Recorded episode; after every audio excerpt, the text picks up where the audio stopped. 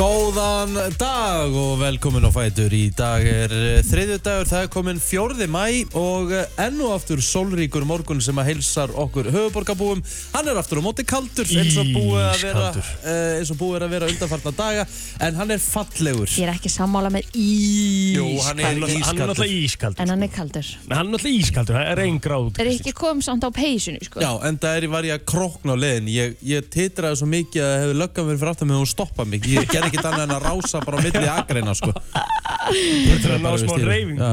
En pælið samt í því hvaða við, hvað, Þetta er mikið lífsgæði það að vakna við sólina alltaf Já, dag já, ég er Allan hjartalega daginn. sammála því Allan Ég er ekkert að, ég er ekkert að kvarta Nei, Þetta er bara, þú veist, Þetta er þetta er yndi- þetta er indislegt já, þeir eru samt búin að vera svolítið í því Nei, þetta er bara, þú veist, þetta er bara, þú veist, það er fjórði mæ, sko, það á ekkert að fara frost en þá, sko Nei, Nú ég maður það búið á fara, nú maður það fara að Íslandi geta fagari hér Það er bara, það er eins og þetta kom ykkur jafn mikið óvart ár hvert Já, Nei, er, menn, þú er- veist- er oft frost á Íslandi í, í mæ? Já, já Ég var á Elton John tónleikum í lög, á lögutasöllinum í snjókomi í júni eða júli sko. Þannig að þetta það er getur ekkert alveg skrítið, þetta er gæst Elton John, sko Leðilega, leðilega, tónlist, nei, tjú. Vara sig Varlega hann er reyndar, hann er reyndar geggjað tónlist Þetta er rosalegur Já, sko. maður, já. já, ég hérna, eh, sko, ég ekkert neginn bara, eh, þegar það er komið mæ, Mhm. þá finnst mér bara, ok, 5 gráður á mótnana.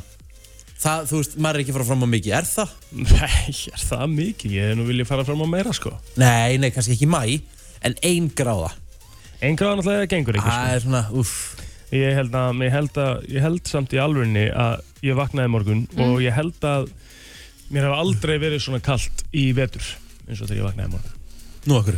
Ég veit ekki, það var bara, ég meða bara skýt Nenni ekki að hlusta á þetta sko Ég held að þú veist, það var allt opið sko Eh, ég sé fyrir mig, pæl- pældi ég maður, ef að við annarkur okkar væri með Kristínu, Já, maður, maður er eitthvað lítill í sér og kemur eitthvað að kvart eitthvað og Mhm. ég sé hana fyrir mig að horfa um, veistu, ég nenni ekki að hlusta á þetta. og stundum væri það svo næs að bara, bara ó, ég skilði þig sko það er ekki í bóði Hún er gamlu skólinn, ég elskar hana reyndar sko Það er bara svo það er Hún sagði eitthvað tíma af eitt starfsmann hérna þegar að var búið að ganga eitthvað illa bara hvað er allt í skrúfunni? Já, já, hún gerði það sko Já, þess, hún, má, hún má eiga það hún, sko, það sem er góða við Kristín maður fær alltaf hreinskili svar frá Já, já. henni og, það er- og það er því miður það er ekkert hérna, það er ekkert algengt maður að fá það frá vinnu sínum Ekki lengur Þú veist, eða sjá að það er hárgresluna mínar í gennum tíðina þá hefði ég þurft að eiga Kristínu sem góða vinkonu sko. Já, Bara til þess að segja, herru, nú verðum við bara að stoppa sko. þetta er alveg sammála Ég hérna, Villi var mjög veikur í fyrra og hérna hann held að hann hefði fengið COVID þannig að hann fór í svona mótefna tjekk Mhm. og ég fekk alveg svona smá af því að ég var ekkert sérstaklega blíð við hann þegar hann fann Þú náttúrulega getur ekki verið ekki blíð þegar fólk er lasið sko Hvernig? og þegar hann var í þessari mótefna mælingu hugsa ég allan tíma bara shit, hvað var hann síðan bara með COVID og ég var bara eitthvað drífði vinnina í mikið Herri, svo var hann ekkert með COVID þannig ég bara, hú, Ó. Það er ros Já, já, það er, það er gaman að þessu, mjög gaman að þessu, mjög gaman að þessu. Við sá- Æ. við sáum þig ekkert í básum í gerðkastín herru nei, ég nefndi ekki að keira frá seldinarnesi allavega upp í bása til að keira aftur á Ég seldinarnesi skil- skildi vel, Nei. þetta er svolítið löng leið, sko. Þetta er svolítið langt. Já, ég En- sammála því. Ég mér finnst samt ótrúlega gaman að vera með ykkur. Já, já. En bara næst. Við, við tókum, tókum hérna flott session í gerð. Já, þú ákvæmst ekkert að setja bara á silent á vídeoðu hjá Rikka. Komir um Ég, ég er búin hlustaði að fá svona bara. fimm skilabú, tókst einhver að gegja vídjum um svona. Já, ég meina Það það, tyggja það, eitthvað tyggjó, sko. það, það, það, er náttúrulega ekki mér að kenna sko Ég Akkur, maður hlustar á vídeoðu og situr og... Þetta er, þetta er eins og ég þóli ekki fólk sem er í einhverjum geggjum göngutúr og það er rók og það er bara... Setta á fucking silent Já, á það- Það vídeoðunum. er náttúrulega ekki mér að kenna að Ég er að taka upp á kameraról og sendir ykka og svo setur hann inn á Instagram þá náttúrulega getur hann ítt á silent nei, Rikki, málið þá ítur ekki á silent, þú, þú, þú veist, punkturinn með vídjónu, þú ætti að heyra þegar boltinn fer. já, ekki. Já. Þannig þarna átt þú bara að halda kjafti, sko. Já, já, já, en þú veist, ef að það er staðan að ég er að smjatti mækin, skilur, Já, sem ég átta mig ekkert á, ég á með tyggjó þannig, skilur, þá bara mjútar. Ert þú gæðin sem smjattar í síman til dæmis, einhver ringir í því þú ert að borða og þú smjattar í Nei, síman? nei, nei, nei, ég stoppa nú oftast. Það er það ógeðslega sem ég stoppa nú veit. oftast. Það er segja eitthvað fyrir ógeðslega mikið í töðunum mér Þegar hann ætlar að vera svona með hróka Og hann er með tyggjó hann, hann, Og bæðu, hann, hann er ekki hróki ykkur, hann, er að leika sér hann sko Hann er eigið að segja breytir um eitthvað. karakter Hann þegar er hann er eitthvað tyggjó svona bara- Hann er eitthvað svona Æ, ég menn, hann bara gerur það. Ég veit að hann, hann skiptir um karakter þegar hann er Bara, tyggjó. ég hópa bara þetta, æ. Já, hann verður nákvæmlega svona. Það er bara, bara kongurinn. Bestur í Íslandi með tyggjó. Já, bestur illum þetta, það er bara rétt. En þú er þetta sko málegar, ég ætla, ég ætla að gefa Rikka það, hann lagaði helling hjá mér á svona korteri. Já, Já, já, gekkja. eiginlega, það er al- það er alveg Ég- hægt að vinna með plótur. Ég var að býja þetta sveiflu vídeo frá þér. Það kemur ekki alveg Það strax. kemur ekki það, maður að slípa hann til, en Já. bara á þessum 40 minnundum sem við tókum sessun á honum, það er vel hægt að vinna með plótur. En hvernig er það? Fórstu beint bara úr jakkafötunum yfir jögengal? Já, maður? Já. En málegar Snöggur að að Rikki, þessu. sko málegar að Rikki var að slá þess að tæka út sígar í básum, sko. Ég- Rikki er ógeðslega góður í Hann, golfi. hann var með síningu í básum, hann, hann, Aha. hann hefði getað rukkað inn í gæð. Var allir að horfa á hann? Já, þessi, þetta var bara sturgla, Aha. hann sagði bara, nú ætlum ég að slæsa hann aðeins til hæri Nú ætlum ég að hérna, fara með hann aðeins til vinstri Nú ætlum ég að fara með hann þar áðu beint Og hann bara, þú veist, þetta var bara eins og hann var að leika sér Hann hefði getað sett punkt og hann bara, ég ætla að lenda þarna sko. En sko, ég verða við ekki neitt. Ég sé aldrei hvert börlarnir fara. Nei, Þá þarfst að láta kíkja augunar. Nei, Ég sé mjög vel, ég, þú veist, nýbúin að vera hjöglegna og eitthvað. þegar þú slæri sjálf Já, Ég er með, Já, ar, málið er- ég er með arnaraugu, sko. Já, máli er að við erum sko á því stíi Að við eigum ekkert að pæli í hvert boltinni fara Við eigum bara að pæli að horfa á boltan og slá sko Og Rikki á bara að segja okkur hvert boltin verð sko hann tók alveg nokkur þannig að því málið það að þú fyrir að líta af boltanum húst, stundum var sko Egil plótur að fylgja höfðunum með kilfunni sko, það var bara hausin út um allt sko. Já, það er ekki skrítið að það hefði ekki hitt nátt bolta sko. ok, ég þarf klárlega að koma með en fyrir hann næst, ég veit átti, það. hann átti allavega svona sjö algjörlega clean á, hitt sexy högg, bara svona, svona sem, sem kallast að hitta hann á the sweet spot Á, þetta var Ok. bara hljóðum í sverið við kýtt í titlingin, sko. Það er svo gott, sko. All right. Já, já. Já. Já, ég þurfti svona ekki að koma með þessa Nei, samlingu nei. en, en það er allt í góðu En bara svona ykkur að segja, þá er ég búin að panta fötu og svona fyrir okkur fyrir gólmóti, þannig að þetta er ekki að vera. Herri, já, ég þarf að Bingo. bóka- herri, ég þarf að bóka fund með by the way Já, Já, þannig að gera það bara sem það væri bara fínt. Kemur þú, kem, kemur þú ekki líka pílara? Jú, jú. Já, geggjað. Erðu, komum sem þætt á stað, þreytar mömmur ætla að kíkja til okkur eftir, ætla að taka, ætla að taka tvö góð topic fyrir. Já, Við fáum Jón Már úr, uh, hvað heitir, hún með sér. já, og uh, eh, Kristín út með slúðrið og svo fáum við Jónatan frá Subway og Hönnu Þórið því það er nýjung í gangi þar. erum við að fara í keto? Eh, Rétt. Góðan dag. við ætlum að fara yfir eh, daginn í dag. Og, Herru, Eh, það er ekki apríl í dag, það er fjóruði mæ. Það er Já, fjórið þú- mæ. Tókst smá svona. Það var breynfart gær. í gær. Litla helvitis breynfartið maður. En já. shit, hvað var fundið? Já, vel gott. Herru, fjórði, uh, byrjum á, uh, Audrey Hepburn. Hún hefði átt ámali dag. Hún lést eins og var árið 1993. Já, já, uh, vákæru fáir, þú veist, það bara, það var, uh, sorry, það var ekki góður dagur í gær. Nei, nei. Þessi er eiginlega verri. Þessi er eiginlega verri. Já. Hvernig má það vera? Hún á Sesk fabrika saman í dag. Já. reyndar á Jackie Jackson afmæli í dag, sjötugur. Hver er það? En hann er sem steina af Jackson 5 Mm. og hérna bróðir Michael Jackson og mamman svo afmæli í dag líka. Já, ok. Mammas Michael Jackson. Er hún á lífið þá? Já. Nú. Ætli hann haldi fjölskyldinu sinni bara uppi eða? Jackie Jackson? Nei, Michael allir Michael Jackson. Jackson gera það ekki. Jú, mér finnst það mjög líklegt. Ég Já. hefast um að Jackie Jackson sé að því. Hann á Ekki krónu, sko. En jú, jú, menna hann á og náttúrulega hérna uh, Jackson 5 Ah, peninga. Hann á engan pening, sko. Herðu, Herru, uh, Jæja. uh, Eh, Það var það bara Facebooki held ég. nei, held- þinn maður Hosni Mubarak, uh, sem var fórsett Egiptaland, Jesus hann Christ. hefði átt ammal í dag. Já, já. Uh, Lest hendar á síðast ári. Einmitt. Na, mér var mjög gott. Á Mm. Facebooki þá ætlum ég að byrja því að tala upp mikinn meistara sem er með mér í bekk í Vestlandaskólanum. Fjölnir Fjölnir? Daði Georgsson. yes! Kóngurinn. Nýbakaðu faðir, lögfræðingur, golvari, Já, já, já, já. því líku meistari. Það er eiginlega bara ekki, sko, hann er one of a kind þessi maður. já. Mies, Æðislur. Mies. Herðu, Guðmundur Oddur Eiríksson ámæli í dag líka. Godurinn, Mm. 27 ára gamall. Alvöru kongur frá uh, Akureyri. Já. Já, mikill meistari. Sandra Karin Kristjánsdóttir, hún ámæli í dag líka. Um, já, það er bara upptalið að mér held ég. Herru, uh, nei, nei, nei, það er að ringja. Wow. Ok, það er staðan. Ok, Hún hann bara- þekki líka Já, númerið. kann númerið utan að. Ok, þetta var ekki hjá okkur. Nei. Hver er þetta þá eiginlega? Spurning. Um, uh, sjá Á hvort- mamma eina mæli dag eða? sjá hvort að þessi svari. Stá, stá fatta það í dag? Nei, nei, nei. Nei, nei, ok. Mamma á ekki breykið þennan sko. Wow. Wow. En mér finnst helvítið ólíklegt að þessi aðli svari. Það er svoleiðis. Ég myndi heldur ekki svara. Klukkan 7 átján. Come on! Nú er ég eiginlega bara orðin svolítið spenntur sko. Já, en það bara hendi ég sérstætt sjátt á það hann hann er sennilega ekki að fara að svara Þetta er uh, Kristinn Bálsson, Sölumár og kynnisvíkir í Á, sporthúsinu Ok. á skilja alveg að hann svara ekki Já, já. Hann Hann á afmæli í er, dag. hann ætla hann sé ekki að fá bara uh, Good morning BJ Nei, ekki klukkan sjö Þetta er sennilega morgunfúrasti maður á Íslandi Aha.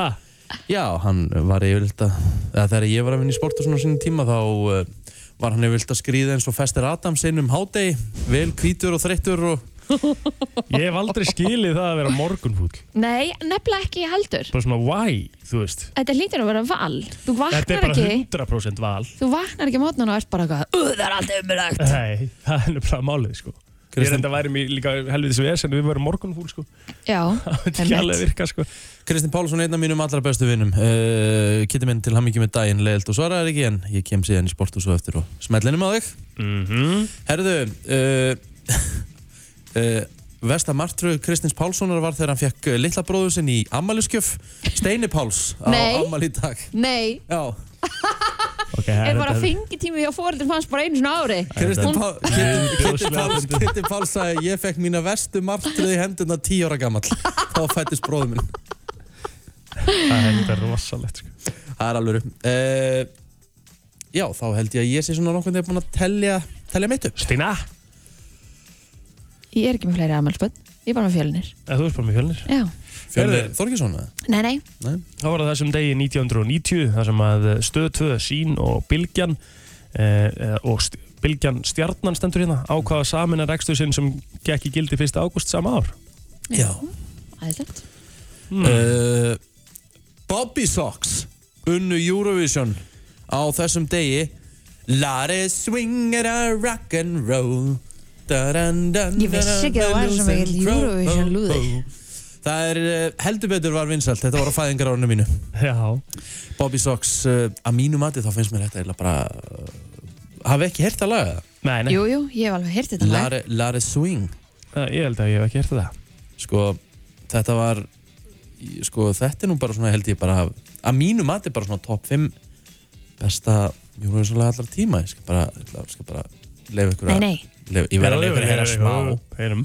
nei, sko, þetta er ekki besta júru og svo laga alltaf eitt, tíma Já, nei, eitt, langt í af, frá, eitt sko. af þeim finnst mér, finnst mér hérna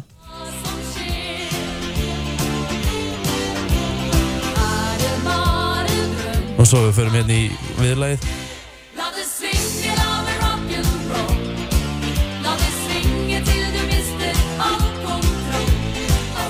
Já, já. Þetta er besta júruvísalega allra Nei, tíma. ég sagði ekki besta Nú. Ég sagði að þetta væri þarna uppi Þetta er eitt af þekktari allavega Sagði hann ekki sigurlögum. besta? Jú, Þetta er eitt af besta Það er ég að Já. faxeta það Þú sagði eitt að besta, er þetta? Já, ok. Já, mér finnst það Já, já, Þetta ok. er bara mín persónlega skoðun það þú hefur alveg rétt á henni Algjörlega, Takk. Algjörlega. Herra, á þessum degi 1979, Margaret Thatcher var fyrsta konan sem tók við embætti fósettisraðara Breitlands. Veistu hvað hún var kölluð? The Iron Lady. Yes Það er bara þannig.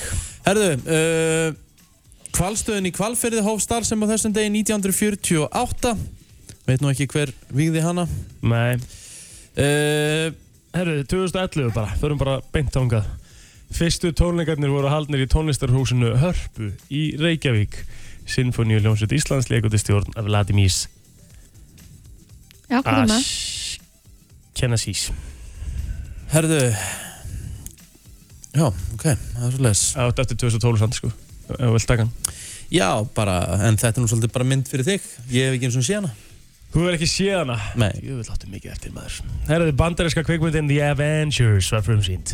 ég er ekki fyrir svona, svona myndir rosaleg mynd og bara rosalegt bara allt í kringum þetta, þetta Marvel Universe orðið bara eitt, eh, ég held alveg öruglega eitt að svona, hvað segir maður brand sem er búið að græða hvað mest í kvikmyndaheiminum Já, ég ætla ekki að segja, þú veist, ég er að leita orðinu brand sko, þetta er ekki brand, sko, æ, þú veit, veit hvað ég á við Já, herru, við skulum bara fara að segja þetta gott Við förum í frettaflið þetta smástund Frétta yfirlit í brennslunni Þannig að það, þá ætlum við að kíkja á eh, yfirleitt frétta og byrjum á þessu. Lörgla var kölluð á vettvang snemma í gerkvöldi vegna dvalargests á Sotgeirar hóteli í postnumörunu 105. Maðurinn var í annarlegu ástandi og var til vandræða, hafði meðal hans haft í hótunum við annan gest. Þá var hann grunaður um eignaspjöll. Um kvöldmatarleitið var tilkynnt um umferðar í hverfi 110 árbænum þar sem tjónvaldur ók greitt af vettfangi og yfir gattamót gegn rauðuljósi. Viðkomandi var handtekinn við heimili sitt og er grunnaður um akstur undir áhrifum áfengis og fíknefna. Hann hefur ítrekkað verið staðan akstri á nökuréttinda og hann var vistaður vegna rannsóknar. Lörgla hafði reyndar afskipti að fjölda aukumann í gær sem eru grunnaður um akstur undir áhrifum áfengis eða fíknefna og þá var eitt 17 ára aukumaður stöðvaður eftir að hafa mælst á 124 km hraða á Suðlands vegi þar sem hámarksræði er 80 km og klukkustund hafi verið vænsegt. Herðu, fjórðungur Íslendinga 16 ára og eldri hefur fengið eitt skamt af bóluefni gegn COVID-19 en 12,3% hafa verið full bólusettir. Um 2,1% hafa fengið COVID-19 og eh, eða er með mótefni fyrir SARS-CoV-2 veirunni. En þetta kemur fram í upparum upplýsingum á covid.is. Um 10.000 manns verða bólusettir með bóluefni frá Pfizer í dag en um er að ræða einstaklinga með undirliggjandi sjúkdóma. Bóðað er í bólusetningu út frá sjúkra og livjasögu en á morgun verða 6.000 bólusettir með bólefninu frá Janssen. Í þeim hóp verða leik, leik og grunnskólakennarar og einstaklingar sem er erfitt með að mæta í tvær bólusetningar, til dæmis flug og skipa áhafnir. Líkt og fram eh, hefur komið krefst bólusetning með efninu frá Janssen aðeins einn- eh, eins skamtar. Þannig að það eru 6.000 í viðbót sem að verða full bólusett á morgun. En á 50 daginn verða 10.000 síðan bólusetti með bólefninu frá AstraZeneca en þá verður bólusett eftir aldri og stemtur eða komast eh, niður í aldurshópin 55 ára. Og svo á förstu dag fá 2500 mann setni skamtina bólefninu frá Moderna. Það er bullandi gangur á sig á okkur. Hvernig heldur þessi komið á okkur? Já, hvað, júni Júli, ágúst, Ég Sæft. Oktober eða eitthvað bara. november? Það verður eitthvað vel hægt. Já, Ég er ekki að tjóka, ég held að ég verið síðasti gæinn sem lapp inn í lögatarsöllin og skelli síðan á eftir mér sko. já, já, Slökkur ljósin bara Já, ah. þú læsir. ég bara læsi basically. Já, Já, þetta er komið. ég veit. En hvernig er það verður þó bara frí í skólum á morgun ef allir kennarar eru bóðað þær á morgun Ókvæðlega. Það eru damn good Helviti question, Dutch. Helviti spurning. Herðu, En, ha, Nei, hvað? Verða það ekki bara úst bóðu eftir klukkan 2 eða 3 eða eitthvað bara þegar að jú, það getur Já, verið hún er lítur að vera. Eh, Aukin spenna í öryggismálum hefur haft áhrif á Ísland sem meðal annars byrtist í auknum varnarbúnaði í landinu þótt hann hafi ekki farið hátt. Eh, Þannig voru kafbóta leitarvélar við eftirliti kringum landið nær hálft ár 2020. Það fór ekki fram hjá, eða fór, fór fram hjá með okkur. Veitu Já, hvað? það- Það voru kafbótar Hvar? við Ísland. Nú? Já, Það væri svo auðvilt ef ykkur ætlaði að koma á stríði eitthvað, það er bara basically koma með allt krúi hinga til Íslands, hver Já. ætlar að stoppa okkur, ykkur landamæra verður á keflingu. Ég með ekki vera þetta. en þetta kemur fram í skýslu Guðlaugs Þórs eh, Þórðarssonar utanríkisáðara um undaríkis og alþjóðamál sem eh, var eh, dreift á alþingi í gær en bendir á að Ísland hafi ekki farið varluta af þeim breytingum sem hafa orðið í öryggismálum á heimsvísu síðallið ár en það enginnast af auknum óstöðuleika og fyrirsjámanleika og spennu í alþjóðamálum en við þar aðstæðar hafa varnamála búnaður á Íslandi aukið vægi vegna legu landsins í norður Allandsafi við helstu samgöngu æðar skipa á flugvila mill Evrópu og Norður Ameríku. Herðu, kafbátur, tölum aðeins um það aðeins meira Já. Af því að ég er búin að segja ykkur, ég er svona æfintri kall og ég, ver, ég, vil alveg, ég vil alveg taka falli á stökkið og eitthvað svona dæmi sko Ég er ekki þar. ég, þú, ég veit að þú ert ekki þar sko, það er náttúrulega engin sjokkar en ég myndi aldrei vilja fara í kafbát Aldrei, Ég held að maður fengi nettan innara. fengi maður nettan innara Ég myndi Ég, bara í fekk, alvörni ég myndi fá bæði innara og nittara. Sko. Já, 100% Þetta er bara, ég, sé- bara, það er ekkert sem heilla mig við það að fara í allan svona st- Í eitthvað svona kafbát. stórt flikki af kafbát, skilur Nei, ég ekki, sem að ég, fer bara niður á s- botn já, Ég- Nei takk ég myndi fara í hann ef hann væri svona bara við skilur sjáamálið. Ég- Þú veist, ég gæti ekki, já, ég sammála, Já. sammála Ég gæti ekki ímynda mér Að fara neitt neðar en það. N- Já, líka bara að ég fer alveg bara svona lengst í, í Týndi- hérna Týndist ekki eitthvað kábátur um daginn? Jú. Jú, jú, Fannst hann? Fannst sko Hann fa- og allir látnir Já, sem já, við já. er. Jésus. Það er það sem ég er að segja, þetta er versti döðdæði sem ég gæti ímynda mér Þú sett bara býð eftir Mhm. að Bíða. súrefni klárast. Já, já, þú, ert bara, Guð þú minn sér það bara, góður. heyrðu það er að leika inn Já, já uh, Þetta var skemmtilegt líf Um mitt. Þú veist, Æðilegt. þetta er verst Getur við talað um eitthvað annað? Já, já, herri, íslenski fótboltinn er byrjaðar að rúla og því er þetta að finna útsendinga frá öllum stærstu íþróttum landsins á stöðu sportum þessa myndir. En Pepsi Max delt hvenna hefst í kvöld? Og e, því mun stöðu sport sína frá leik Breiðablík og e, Fylkis. Breiðabliks Breiðablíks og fylki, Fylkis, já, það er einhver hérna, Anton Ingi eitthvað hérna, þessi ruglum. uh, Og Breiðablík er ríkjandi mistari. já, Íslandsmeistari en Valskólum spáði Íslandsmeistari í ár Einmitt. Það Ert þú lýsa að í kvöld. það? Nei, ég er ekki að lýsa í kvöld Nei, nei. Það er eini frítagurum minn núna næstu hvað ykkur og sjö daga í verður í kvöld Svo kemur bara alvöru törn Er valskonum spátillinum að því að uh, Steini er ekki lengur með bleika? Nei, ekkert bara enn til að steinið þeir eru náttúrulega búin að missa líka fullt af alvöru leikilmönnum Ah, okay. sem að fara út í atvinnumennsku þar með að þú veist, blika liðið er ekki jafn stert og á síðast tímbili mm Herru, Selfoss og Valur mætast svo í ólistild Karla en strax að leik loknum verður setni bylgjan á ferðinni. Manchester City og PSG mætast í undanúslutum meistardildarinnar klukkan 7 í kvöld. City er 2-1 yfir eftir fyrirleikin og uppbytun, uppbytun fyrir leik hefst klukkan 18.15 og svo sjálfsög gert upp ástötu sport eftir leik. Er búið að setja manni og lifa bara leikin aftur á dagskrána? Nei, Ég veit ekkert hvernig hann verður, hann getur alltaf ekki verið í kvöld Hann Hann getur verður- ekki verið á morgun hann verður, á, hann verður vantarlega á FA Cup helginni. Sem er kunnar. Það er örgulega bara eina sem er Það er búin. eina sem er í búin, Næsta helgi. Já, hvernig er úrslæðurinn? Ekki næsta helgi? Eða Þar næsta helgi, ég man það ekki. er annars veldi Áfram er háþrýstisvæði og salt loft yfir landinu og því viða nætufrost en hiti fer þó upp um eh, 10 stig á Suðvesturlandi að degi til en norðlæg átt 3 til 10 metrar á sekundu og hvassast austast á landinu. Áfram er eh, svalt loft og eh, já, í huglengu viðfrængs á við viðstofuna segir að skíjað verður með köplum og stöku skúrir eða jél en lengst af léttskíðað Suðvestan til ekki sé að sjá neinar markverðar viðbreytingar fram að helgi. Það er nefnilega það, áfram höldum við með eh, tónlistina Við förum í lag dagsins eftir smástund og það er alvöru sumar banger Von heitt von Brennslan Björn og brósandi eins og eh, alla aðra virka dagamilli klukkan 7 og 10 Rikki G, Plóter og Kristýn Rutt uh, Við erum að fá góða gesti hér eftir smástund En við langar aðeins að koma með ykkur í smá rannsókn Eða svona niðurstöður rannsókna Lefið. Sem kemur að snjallsýmum Mhm. Og nú er Kristýn til dæmis í símanum rosalega mikið, hún er langmest í símanum á okkur öllum Já, ég sammála því Hún, hún lætur, Svak- Svag... lætur hún yfirlt ekki í friði svakalegu síma mi- fíkil sko. mikið í símanu líka bara svona með verðum í kynningum hún getur, getur aldrei, Gler húsið hún getur aldrei bara látað frá sér og verið að njóta eins nei, hún þarf alltaf að vera í símanu já, sko, ég ætla að gáðast að þeir tengi við þetta já, það voru 24.000 manns viðsvegar um Európu sem tóku þátt í þessari rannsókn ok 83% fólk sem svöruðu að þeir nota síman sinn sem vekjaraklukku ég tengi, ég hef notað síman minn sem vekjaraklukku lengi Ég- er það, með, húst, Ég- ætti þetta bara ekki basically að vera já, ég 100% hef haldið það sko er Ég- ykkur að nota aðra vekjaraklukkan síman sinn? Bara hef ekki átt vekjarklöku í 20 ára eða eitthvað sko, það, ég notaði einu sinni ekki síma minn og þá notaði ég svona lúmi lampa Já, sem að kom alltaf meir og meira ljós Einmitt. skilur að því þú stiltir hann á eitthvað og svo allt í hennu var það norðin rosa mikið ljós Svo og með allt reykjels ljós í herbygginu líka og alvöru hugleðslega hvað minnur, þetta er ekki þannig sko, þetta er bara lampi sem að vekur þig skilur Herra, en, en, en það er ekkert það sama eins og að nota síma sinn Það er bara, þá spyr ég ykkur Kíkið þið á síman ykkar á fyrstu mínútonum eftir eh, vaknið yes. Svona fyrstu tímínútonum Já, veist, ég er bara að rössa og fyrir bindin og klóset og kíkja sem minn Kristín?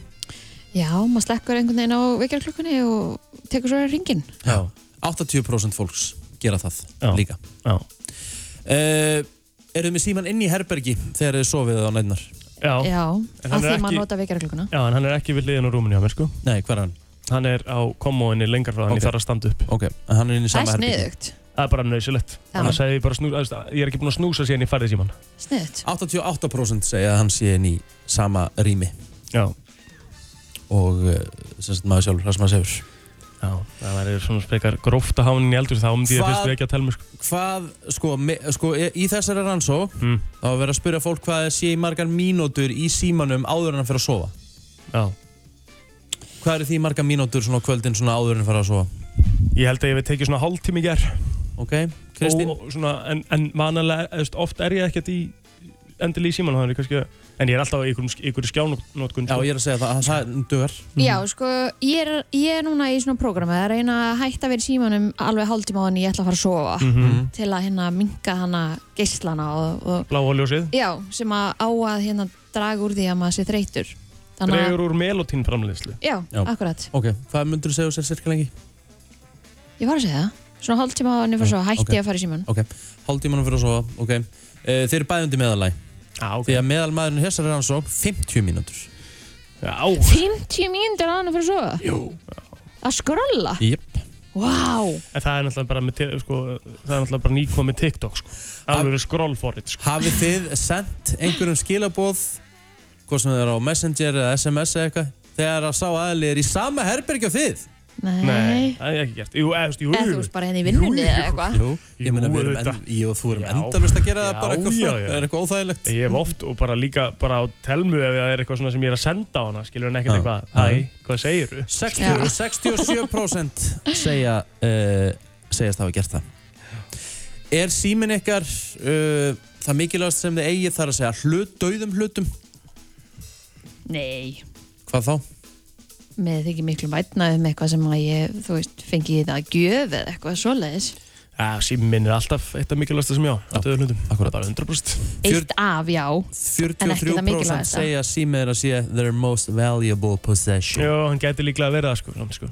bara það mikilvægasta, ég nota það mikið Finn, uh, þegar þið farið, farið að heimann og þið áttu ykkur að þið eru búin að gleyma símanu þið eru að fara eitthvað í klukkutíma, snúið við og sækja hann 100% Já.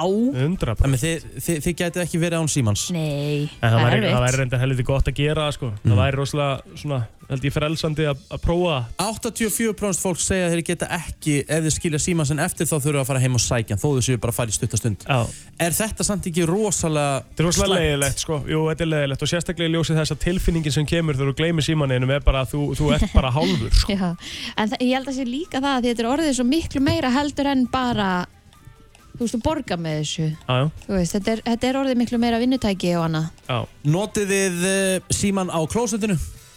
Nei, jú, jú ég held að sé Ah, Nei. meira strákar heldur en stelpur Akkur er þetta ljúa, Kristín? Já, hvaða lí er þetta? að því að það, það Þetta ég, segir mig það að þú ert að gera nummer 2 og sért ekki að skrolla að kíkja í síman ég einbytti bara með að því og fer út Nei, gleymdu hugmyndinni Hvað, Ég þetta er- lesa á sjampobrúsana? ég, nei, ég er bara ekki að lesa og neitt ég er ekki svona lengi að þessu Lesa hann, hvað, stendur þú bara og, þetta, það Ég er, sit. sorry, Ég já, sit. já, ég segi það Já. Situr þú bara Já. og horfur út í loftið ég, þetta tekur ekki svona, þetta, þessi, þessi aðtöfn er ekki svona lengi hjá mér ég bara sest Þetta- niður Þetta er ykkur mesta líi ég sem ég hef sest heyrt niður Þetta er ykkur mesta líi sem ég hef heyrt Síðasta áður en við Þetta er samt höldum alveg rétt. áfram uh, Hvort myndið þið hætta að uh, stunda kynlíf í eitt ár eða gefa síman frá okkur í eitt ár Oh shit Já Ég uh, myndi hægt að stunda kynlíf Mhm. Það Ég er það mikill fíkill held ég En uh, þú veist, mætti maður vera með tölvu Þú mátt bara ekki verið í síma, þú getur aldrei tala við neitt, þú getur ekki sendt Ég meina, þú veist, Þú þetta má getur- vera heima sími heima sími Já, eða Skype Já, já, en, bara, en þú ert ekkert alltaf þú, Ok, ég geti ringt á Messenger í rauninni gegnum tölvuna þú, ert, ekki- þú bara verður að sleppa símanuðinum í eitt ár Hæ- hæ- Hvað djöfis vesen er þetta? Ef ég get fengið þann option, þá var ég freka til í að stunda kýlum Já. 51% myndu droppa símanum Já Alveg semst meira hlutin myndu droppa símanum Nei, nei, myndu droppa kynlífi Já, já, já. og halda, halda símanum Meira hlutin myndu halda Hvað myndir símanum þú gera? Þetta er ógeðslega erfitt er Mhm. Pældi þú ert að fara út á land að keira Þú ert ekkert í sambandi með tölvuna þína sko. nei Jú, þú getur alveg bara hérna spilað músík Já, ég veit En það þú Getur ert ekki hlusta á samband- þú ert ekki- þú útvarpið. ert ekki í sambandi Þú sko. ert- þú ert ekki með ne- þú ert ekki með netið eða þú ert ekki með Já. Þú næri ekki að hringja neitt á messenger einhver, einhver, einhver sem er með mér í bílnum Það er kannski með internet Ó, hún er svo boring maður Svakalegt sko Herru, við erum að fá geggjaða gesti hér í þessu ástund Ræst on a stick Þú ert að hlusta á brennsluna á FM 957 Fyrstu gestir dagsins eru mættir í stúdíó og Heldur betur Það er Það er- drottningin, það er keto drottningin Hanna Þóra já, Það það er- er það er Jónatan. óætt- það er óætt að segja Já, að hún sé þú veist, það, er, það er engin framar en hún Nei, nei. Hún er andlit keto á Íslandi það er bara þannig Það er engin betur en hún í þessu Það er bara nákvæmlega þannig. Og svo er Jónatan, markastjóri Subway á Íslandi Já, já. Velkomin Takk fyrir. Já, takk sem leiðis. Og, og Eh. þið voruð að, að hérna, koma með nýjung á markaðinn Já, heldur betur, hendum út nættri sprengi bara í gær. heldur. Já. Og hérna, já, við bara fekk ótrúlega skemmtilegt verkefni í hendurnar og fekk að hanna nýtt ketosalat fyrir sömvei. Trillt Sko, Hanna, ef við byrjum aðeins á þér Já. að Því að, sko, hvenar sko, hefur þú svona þína vegferð í þessum málum? Uh, það kom alveg tvö hálft ár síðan, ég ákvað bara að byrja keto. Það Já. var bara því að ég ákvað bara að prófa eitthvað nýtt, var bara komin eitthvað svona í yngstræti og ég bara, æ, ég prófa þetta bara. Svo bara, þetta fór bara okkur massa flug, Já. það er bara Nefnilega- þannig. Það er nefnilega það sem ég ætlaði að spurja Já. sko. Tvö og hálft ár, Já. sta, eitt stærsta matalafyrirtæki á Íslandi er búið að heyri þér og byrja um að gera Já, og græja það, er- það er alveg bínustórt Já. Ég alveg fæk svona símdal, ég alveg Þetta er sko stærsti skyndibítur það er á Íslandi sko. Átjón staðir og ég alveg bara, já já Svo bara veist, maður svona átt þessi pínu aftur á hvað þetta er stórt Já, sko. þetta er risa En fundu þið fyrir því að það væri eftirspurnu eftir þessu? Alveg klárlega. Mhm. Við erum nýlega búin að, sko, við erum búin að taka svona smá stefnubreitingu núna nýlega Já. Mhm. og þú veist, við erum náttúrulega erum Subway og erum að, þú veist, erlega til fyrirmynd og horfum mikið til Ameríku og svona og höfum verið að gera það og allt í gott og gilt með það en svona það sem við höfum kannski aðeins verið að gera núna nýlega er að horfa svolítið inn á við, bara á íslenska markaði Einmitt. Mhm. hvað er fólk á Íslandi að byggja um og núna í janúar þá tókum við inn veganvörur uh, veganbát og við bara alveg bara þvílingum success Já, og þannig að svona næsta skref eftir það hjá okkur var svolítið að finna bara hvernig getum við bara uppfyllt þarfir annara hópa líka Já, já. því að það voru allir bara komið bara klappandi til okkar annars Geðvegt? þannig að þú veist, maður bara þarf ekki annan að fara á Google en skrifa bara keto drottningin sko þá þá kemur hanna efst upp þannig að þetta var frekar einfalt símtal og hanna er bara alltaf svo peppuð að Já, þannig að þið eru komin inn á, inn á ketomarkaðin og svo eru þið líka með næringagildin inn á hérna, söpbu.is þannig að þið eru líka Já. á makrosvagninum já, við leggjum náttúrulega mikið upp úr því bara að vera með allar upplýsingar um það hvað er í matnum okkar Já, já, þú veist, við gerum okkur út fyrir að vera fersk og, og holl og, og skemmtileg og hérna, þannig að við inn á vefnum erum að byggja upp bara mjög svona góðan grunn af upplýsingu fyrir fólk. einmitt Nú er ég að horfa á hérna, ég er til dæmis mikill, uh, það er- þú finnur sennilega ekki meiri núðlumann en mig og hérna er ég að horfa á eitthvað hvað sem heitir Bare Naked Noodles. Já, ég þurfti nú að henda einu kassa híka líka. Já, það er bara svo margt búið að breytast. Það er bara einhvern veginn, þú veist, fyrst ég kom til ykkar, það er svona hvað, ár síðan eða eitthvað. Já. Þú veist, það, Páli, hvað er mikið búið að breytast síðan þá? Einmitt. Nú eru komin núlur og hrísgrón og söpvei og þetta og hitt og þú veist, þetta er alltaf svo miklu auðveldara. En það sem að mér finnst bara svo frábært er að þú, það skiptir ekki máli á hvaða vagnið eða vegferð þú ert að þú getur líka, að þetta hefur svo oft verið þannig að þú getur ekki fengið þér, sko hotlan mat sem skyndibita eða í svona on the go Já. þú veist, þú verður alltaf bara þurft að vera heima að sjóða ísuna þína, en núna getur þú fengið þér svona einhvern snöggan bita en samt sem fittar inn í þitt prógram Já, algjörlega og við heldum bara það líka það að þú, veist, við, þú gast alveg að fara á söpvei vanalega og breytt bát í salat. Já. Mhm. Jújú, jú, fínt option, en það var ekki specially fyrir þig. Þú ert alltaf að fórna þá pínu bröðinu, sko. einmitt Ég er samt algjör að- á Subway sko, brauðlíktin þar inni er bara hræðilega fyrir mig. Ég, ég fæ bara svona core memory svona eitthvað. Já, en er ekki hægt að bara vinna að einhverju keto brauði? Það, maður veit ekki hvað gerist í Er framtíðinni. það næsta skref kannski? Ég veit Já. ekki. Getur keto kompanið ekki bara farið í það? Hver veit sko. En á móti já. Ég verð að spyrja hana, hvað myndur þú halda að séu margir á Íslandi á keto? Sko, ég held að keto á Ísland hópurinn sér næstu komin upp í 20.000 en það er náttúrulega ekki allir. Nei. en á Nei, nei. móti kemur bara, keto er bara góð matur. Við erum bara að sleppa okkur kólvætum sem við vilja bara borða smá keto í hádeginu og fá sér eitthvað annað. já, já. bara að sé til eitthvað gott sem að líða, lætur okkur líða vel og við getum gripið þegar við viljum það. Það er bara allt í bóði. Það er það besta við þetta. En segju okkur aðeins núna frá, frá nýjungunni Nýjung, Hver er hún? græna gyðjan Mhm. Já, salatið er græna gyðjan og er bara hannað rosalega mikið undir handleðslu hönnu Mhm.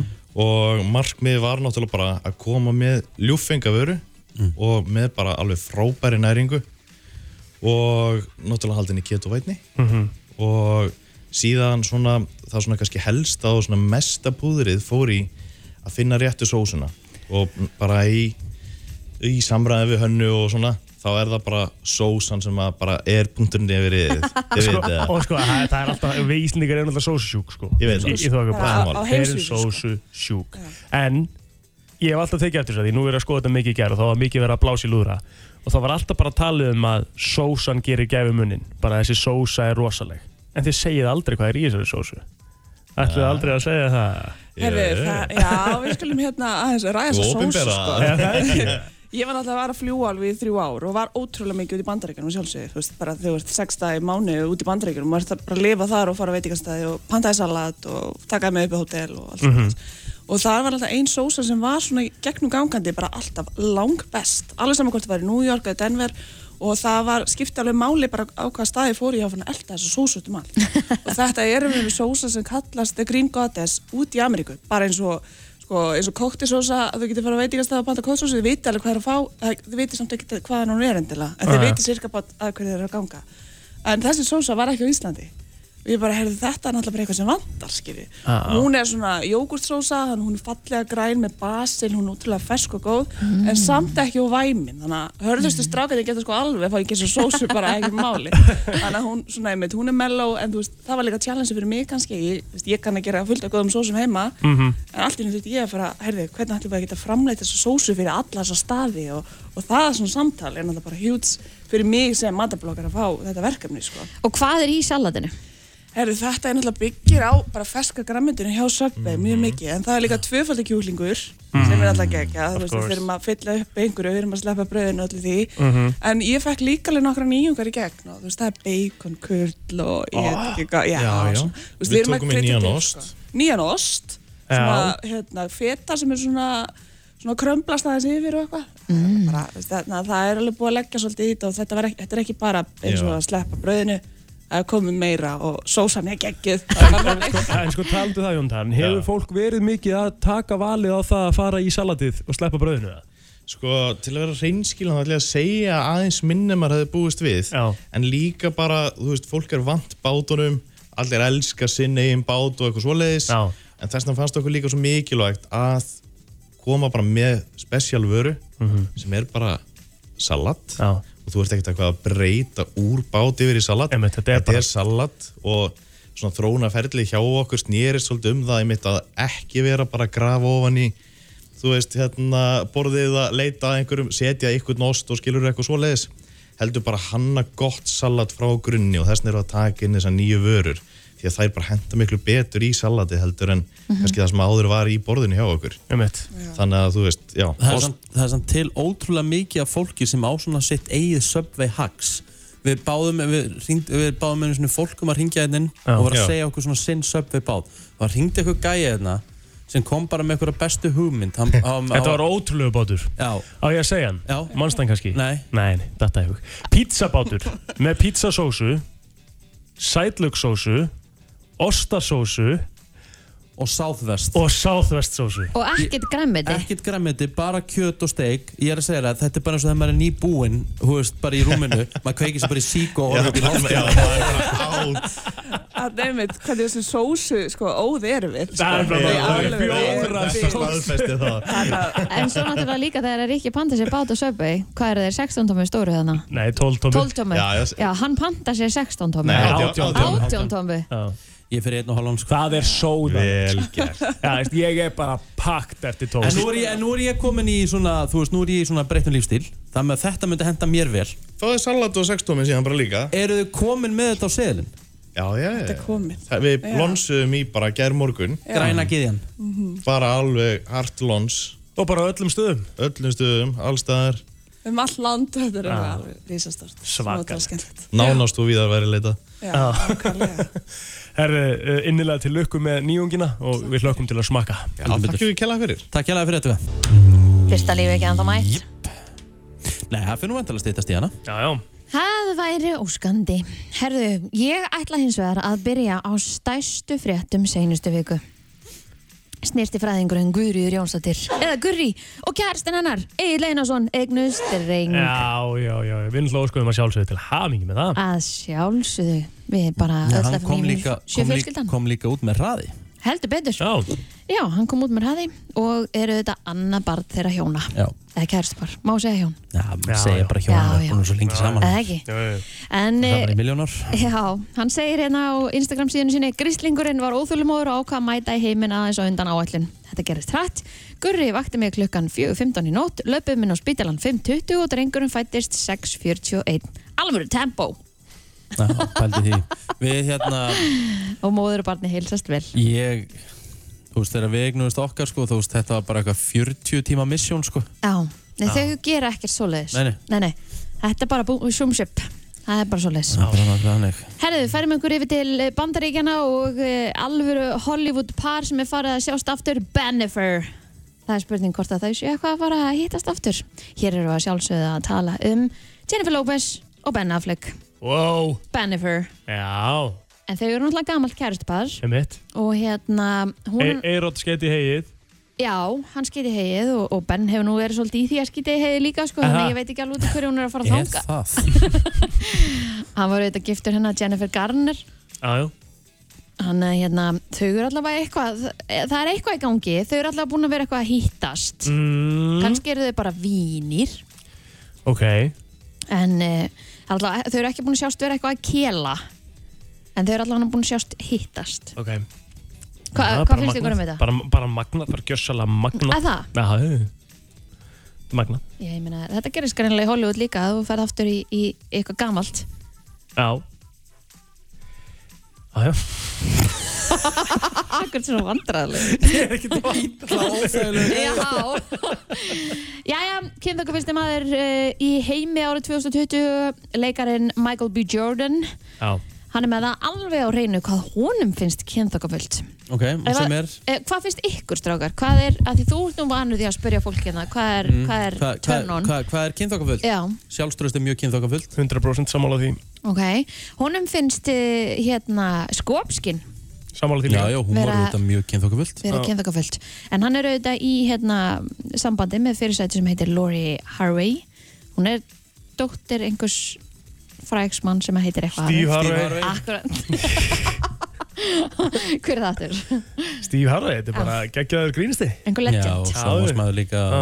Há er nú kannski... Reyndar, reyndar Manstu ekki eftir um að fóð með vittlust Vittlust nafn í Ungfrá heimur Já, Nei, já ok. Það var rosalegt En Úff. Það var ekki honum að kenna, það stóð vittlust á spjaldin Já, Já, en hann segir að hún finnist skopskinnið, eh, getan til að hlæja og svona einhver þessi smitandi tilfinning, mjög kynþokkafull. Þannig að fallet broslátur og skopskinn er eitthvað sem að hillar Michael B. Jordan. Þannig að hann segir kærastunum sína að búa yfir öllum þessum eiginleikum. Þannig að þau eru bara í toppmálum saman, lítalinn er alveg fáránlega vel út saman, bæði þau snar lúka sko. Þannig að- Yes.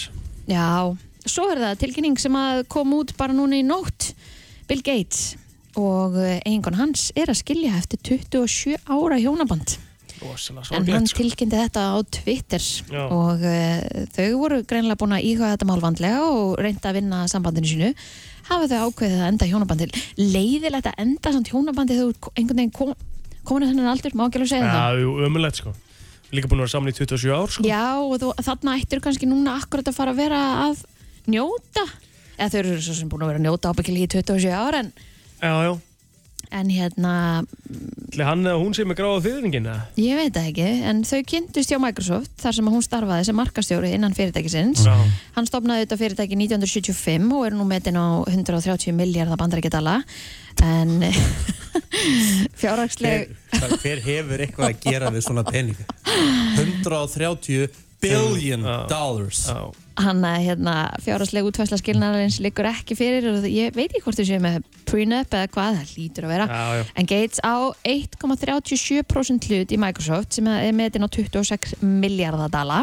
Já Þannig að hérna, já, það er spurning. En eh, sko, hann hérna, þó, eh, þau tóku þátt í verkefni á sínum tíma sem heitir Giving Pledge sem að fóli sér að þau gáfu frá sér meira en helming auðavæsina.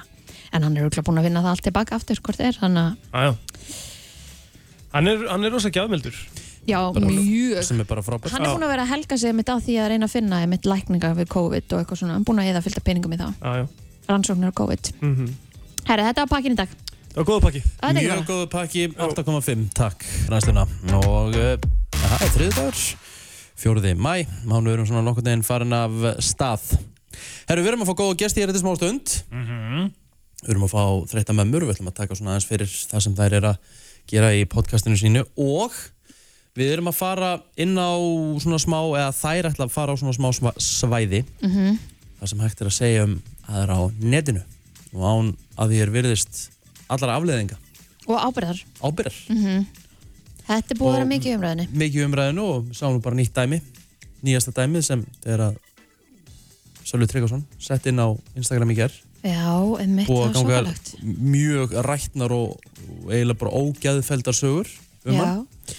Og margir sem að heyrðu þessu sögu voru óskaftið því að, að, að fréttamiðlar og, og aðrir myndu taka þetta upp, en það voru náttúrulega sögusagnir, þannig að Mhm. Já. það var kannski erfitt að byrta Ég var- frétt um það. DFF tók fram í gær sem sagt, eh, að, að hérna, þeir hafi reynt að hafa samband og reyna að fá sem sagt, staðfest hvort þessar sögur væru réttar en gátu það ekki því að það var ekkit greinilega. Með mig Já. DFF í rauninni sagði þeir hafi haft samband við meint fórnalam Sölva Já, en hún hafi ekki kannast í málið ekki vilja tjá sig allavega í fjölmela mm, og eh, hérna uh, DFF, eða sem sagt, Sölvi Birtir sem sagt, þessa, þessa hérna lauruglu, skýslugort að lauruglan hafi haft afskipti á honum já, og sangkvæmt frá 1. april þá hefur ekki neitt slíkt, bara tómur málaflokkur þar Mm-hmm. Já, já. þar með að eh, ef að svona er þá þá er þetta bara gott mannorsmorð maður verður auðvitað að treysta því að, að, að fréttamiðlar og aðrir e, sé að skrifa eftir staðreindum ekki eftir sögursóknum já ég er ekki að tala um fjölmjöli, ég er að tala um fólk já, sem, að, sem Mhm. fer á bara Twitter eða, eða, eða hérna Instagram já, og fer með svona af stað, fullir er eitthvað var að vísu ekki nafngrindur þá nei, nei en, eh, En ég hver, held að hver, við hver, er, hver er ábyrð þeirra? Það sem við getum lært af þessu líka er að ég held að við höfum öll eh, á einhverjum háttu verið tekið þátt í því að dreifa slúður eða að tala Algjörlega. slúður Mhm.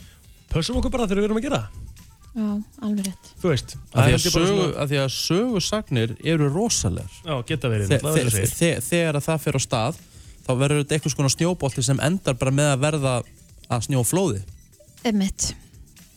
Þannig að við ætlum að ræða aðeins við dömundan hér eftir smástund og, og það er alltaf aðeins að fara yfir þetta Já, já. svona hegðun og netun og hvað þú ert að segja til dæmis á svona samfélagsmiðlum og, og svona róburður, Já. sögursagnir og annað Mhm. Já. ekki missa því Þetta er brennslan á FM 957 Lætt vinsalasta lagið í heiminum í dag Bieberinn og Peaches Sárendar ykkur að mynd af Justin Bieber núna bara fyrir stöttu síðan að það og með hárið Ég veit ekki alveg á hvaða vegferð sá aðal er Klóður, Eir? þú sem helst er talsmaður Biebers, hvað er að gerast? Sko, í gegnum tíðina hef ég alltaf verið að verja minn mann Já, uh, og, hérna, og hans hárgreiðslur í gegnum tíðina hafa verið bara mismunandi Mhm. og, hérna, en ég mun alltaf alltaf muna svona helst eftir því bara þegar hann var uh, á baby tímabilinu það var alveg nett uh, hárgreiðsla Mm. en þetta finnst mér steikt, ég ætla bara að segja það og ég get ekki, ætla ekki að segja mikið meira Takk. Okay. herru, við erum komið þreyttar mömmur í stúdíuð Tinna og Lára, verið velkomnar Takk fyrir, fyrir, takk, takk. Hvað segið þið þessa vikuna? Þreytar? Uh, alltaf, mástu, alltaf.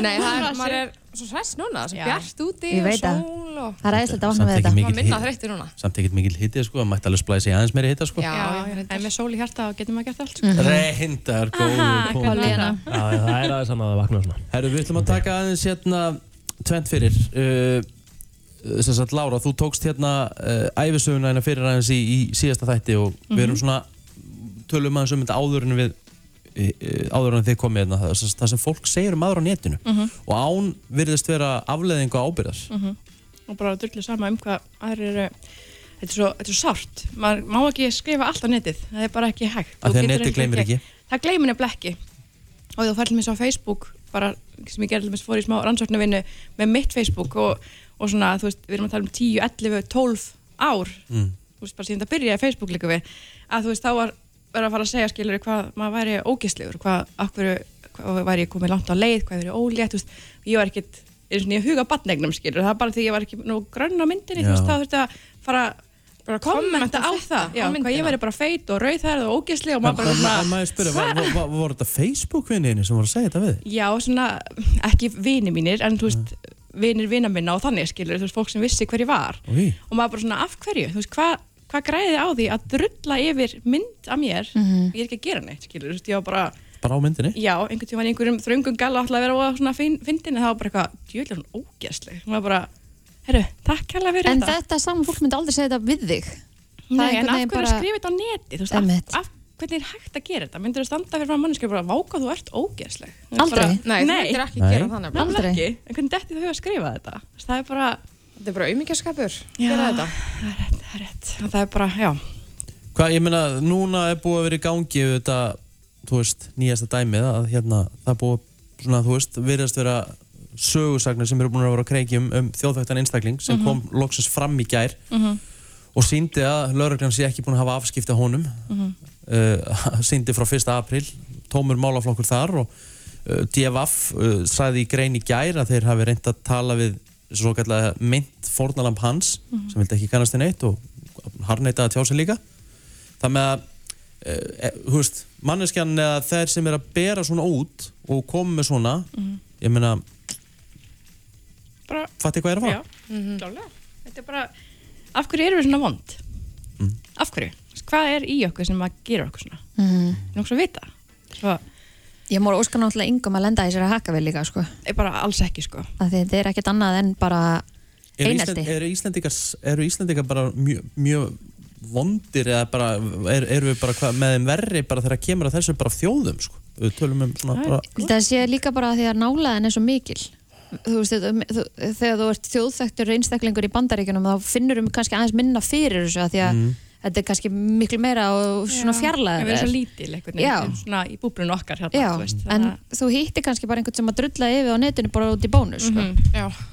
hefur þetta orðið verra með árunum þú veist, svona, þú veist, Hjá mér? svona ró, róburður eða bara Nei. róburður yfir höfuð Já, jú, alveg klálega, mér finnst það Þetta er alltaf að vera verra og verra, finnst mér allavega Það er náttúrulega að vera verra og verra af því að líka samfélagsmiðlar voru ekki til bara fyrir stötu síðan sko. og það er svona svolítið búið að gefa fólki plattform fyrir það að geta sagt það sem það vill og, og að því að það er að baka við einhvern prófíl, skilur og á bak við tölvurskjá, þú veist, og það er allt annað þannig að þetta hefur kannski verið verra að þýleiturinn til og hérna, og eins og Kristín segir líka við erum það lítil þjóð við eh, svona erum í það mikillir nánd að það er eh, það er einhvern veginn, mér finnst það í rauninni líka geta verið punktur sem ætti að fara í hináttina sko.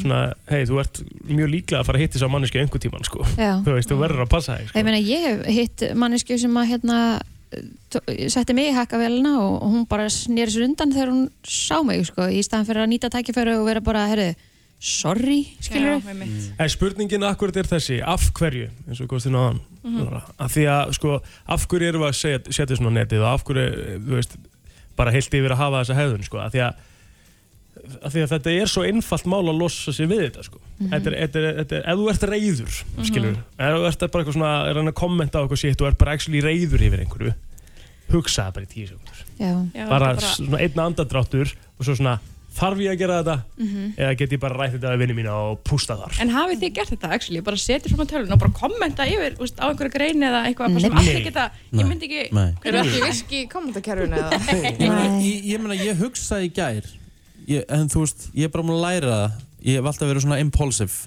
svona kvadvís Mhm.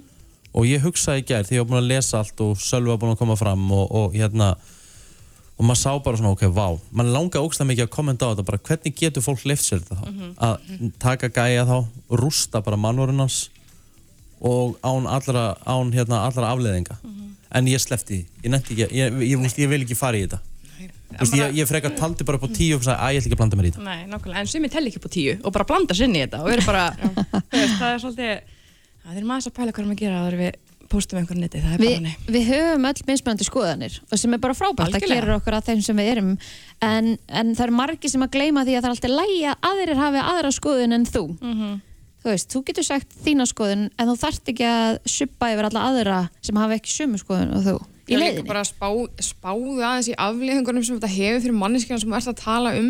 emmett, líka Þetta það Mhm. er bara rosalegt. Já, þetta er Hvað afleðingar svona getur haft sko. Og svo líka svona tala um að hittast í bónus eða eitthvað, þú veist, Já. þið verðum svo lítil þjóð, þú Mm. veist, ég meina, ég hef alveg hitt manneski sem að, til dæmis, kommenta undir mynda mér, bara í, þú veist, við erum bara börn á svipum aldrei eitthvað svona Mm. og ég fæ bara svona, guð mig, góð, við erum þannig 10, 11 ár en samt Já. að ég svona sting í magan og ég bara svona, en það í dag Mhm. Já, en það í dag, þannig að það situr í manni bara Auðvitað. alltaf og það er bara þannig, það er ekki eitthvað sem að hverfi bara af því að Facebook líka er líka mjög duglegt að minna það á hvað þú varst að gera fyrir Algjörlega. 10-11 árum síðan Mhm. ég meina, ég, ég viðurkenni það alveg, ég ætla ekki að segja að ég sé búin að vera dýrlingur ég meina, ég hef farið það popp upp minningar og ég fer áður, ég horfa á þetta, ég bara dýli þetta Já, það- ég ég hef alveg gert það líka og við, ég held að við Ég held að hljótum allir að eiga hafi það öll, gert sko. það, já. Já, já, já, alveg alveg kláð, klár. við erum Það er ekkit maður- öll bara eitthvað saklaus, sko Nei, sem betur fyrir þróskust við alveg og, og, og með veldugust og annað sko. Mhm. Þannig að hérna, það er alveg 100% þannig. En það er líka svolítið algengt að hérna að við dettum einhvern veginn svona í ringiðjuna Mm. þú veist, það er einhver eitt sem að byrjar og það er einhver eitt sem að, þú veist, hvetur til að skoða hitt stóri og hitt, sko- þú veist, og þú einhvern veginn svona dettur á vagnin án þess kannski að kynna þér allar hliðar eða vita söguna þú veist, Mhm. þannig Já, að verður svona algjörlega. pínu múæsingu líka stundum Mhm, Algjörlega en ef við finnum kannski og aðeins í- lið, sorry Mhm. en fólk, það það virðist líka að vera svolítið á internetin í dag og þú þarfst að vera í öðru hverju liðinu Já, hérna Þú veist, þetta er svona liðasöfnun. Olíufannsliðina. Já, Já. það er við sem þetta í hug Einmitt. Þetta lið, þetta liðaskipti, þú veist, það er bara allir þessu lið, þessu lið Já. Það er bara, af hverju þurfum við að vera í einhverjum liðum? Já, Það er Mm. góð punktur, mjög góð punktur Mjög góð punktur, herru, þessi þáttur, það sem þú tók svona aðeins æfisögun og hvað fólk leifir sér að segja maður á netinu, hann er klár, hann er kominn Hann er kominn, hann kominn fyrir viku En aðeins að jákvæðara hlutum, þið ætlaði að fara í fastegnatips í næsta þætti. Nei, tinna alltaf fyrir fastan tips næsta Lára alltaf að setja og hlusta Ég, og ég veit spyrja. ekki, ég sko okay. neitt Útskýra, af hverju- hvernig fastegnatips? Sko, ég er náttúrulega bara algjör fastegna perri og skoða bara MBL fastegnir bara alla daga, stundum ofta daga, þetta er bara líkuðu vandamál, sko, mér finnst það ókslega gaman og við hefum fjó, fjóru svona kipta okkur íbúðum svona alltaf að level okkur upp og ég hef bara ótrúlega mikið áhuga á þessu Mhm.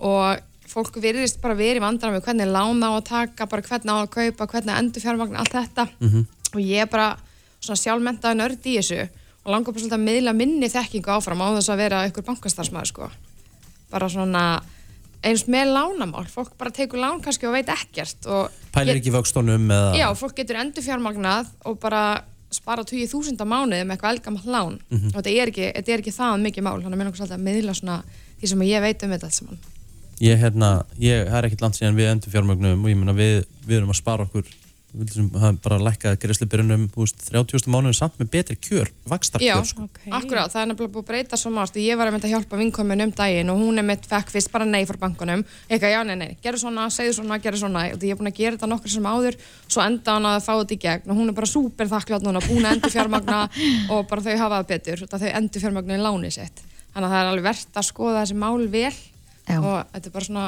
Ég veit ekki hobby svona hjá hvað mér. endur fjármögnun er sko en ég er mjög peppið fyrir þetta Sér sérst maður þinnum mynd allt saman yeah.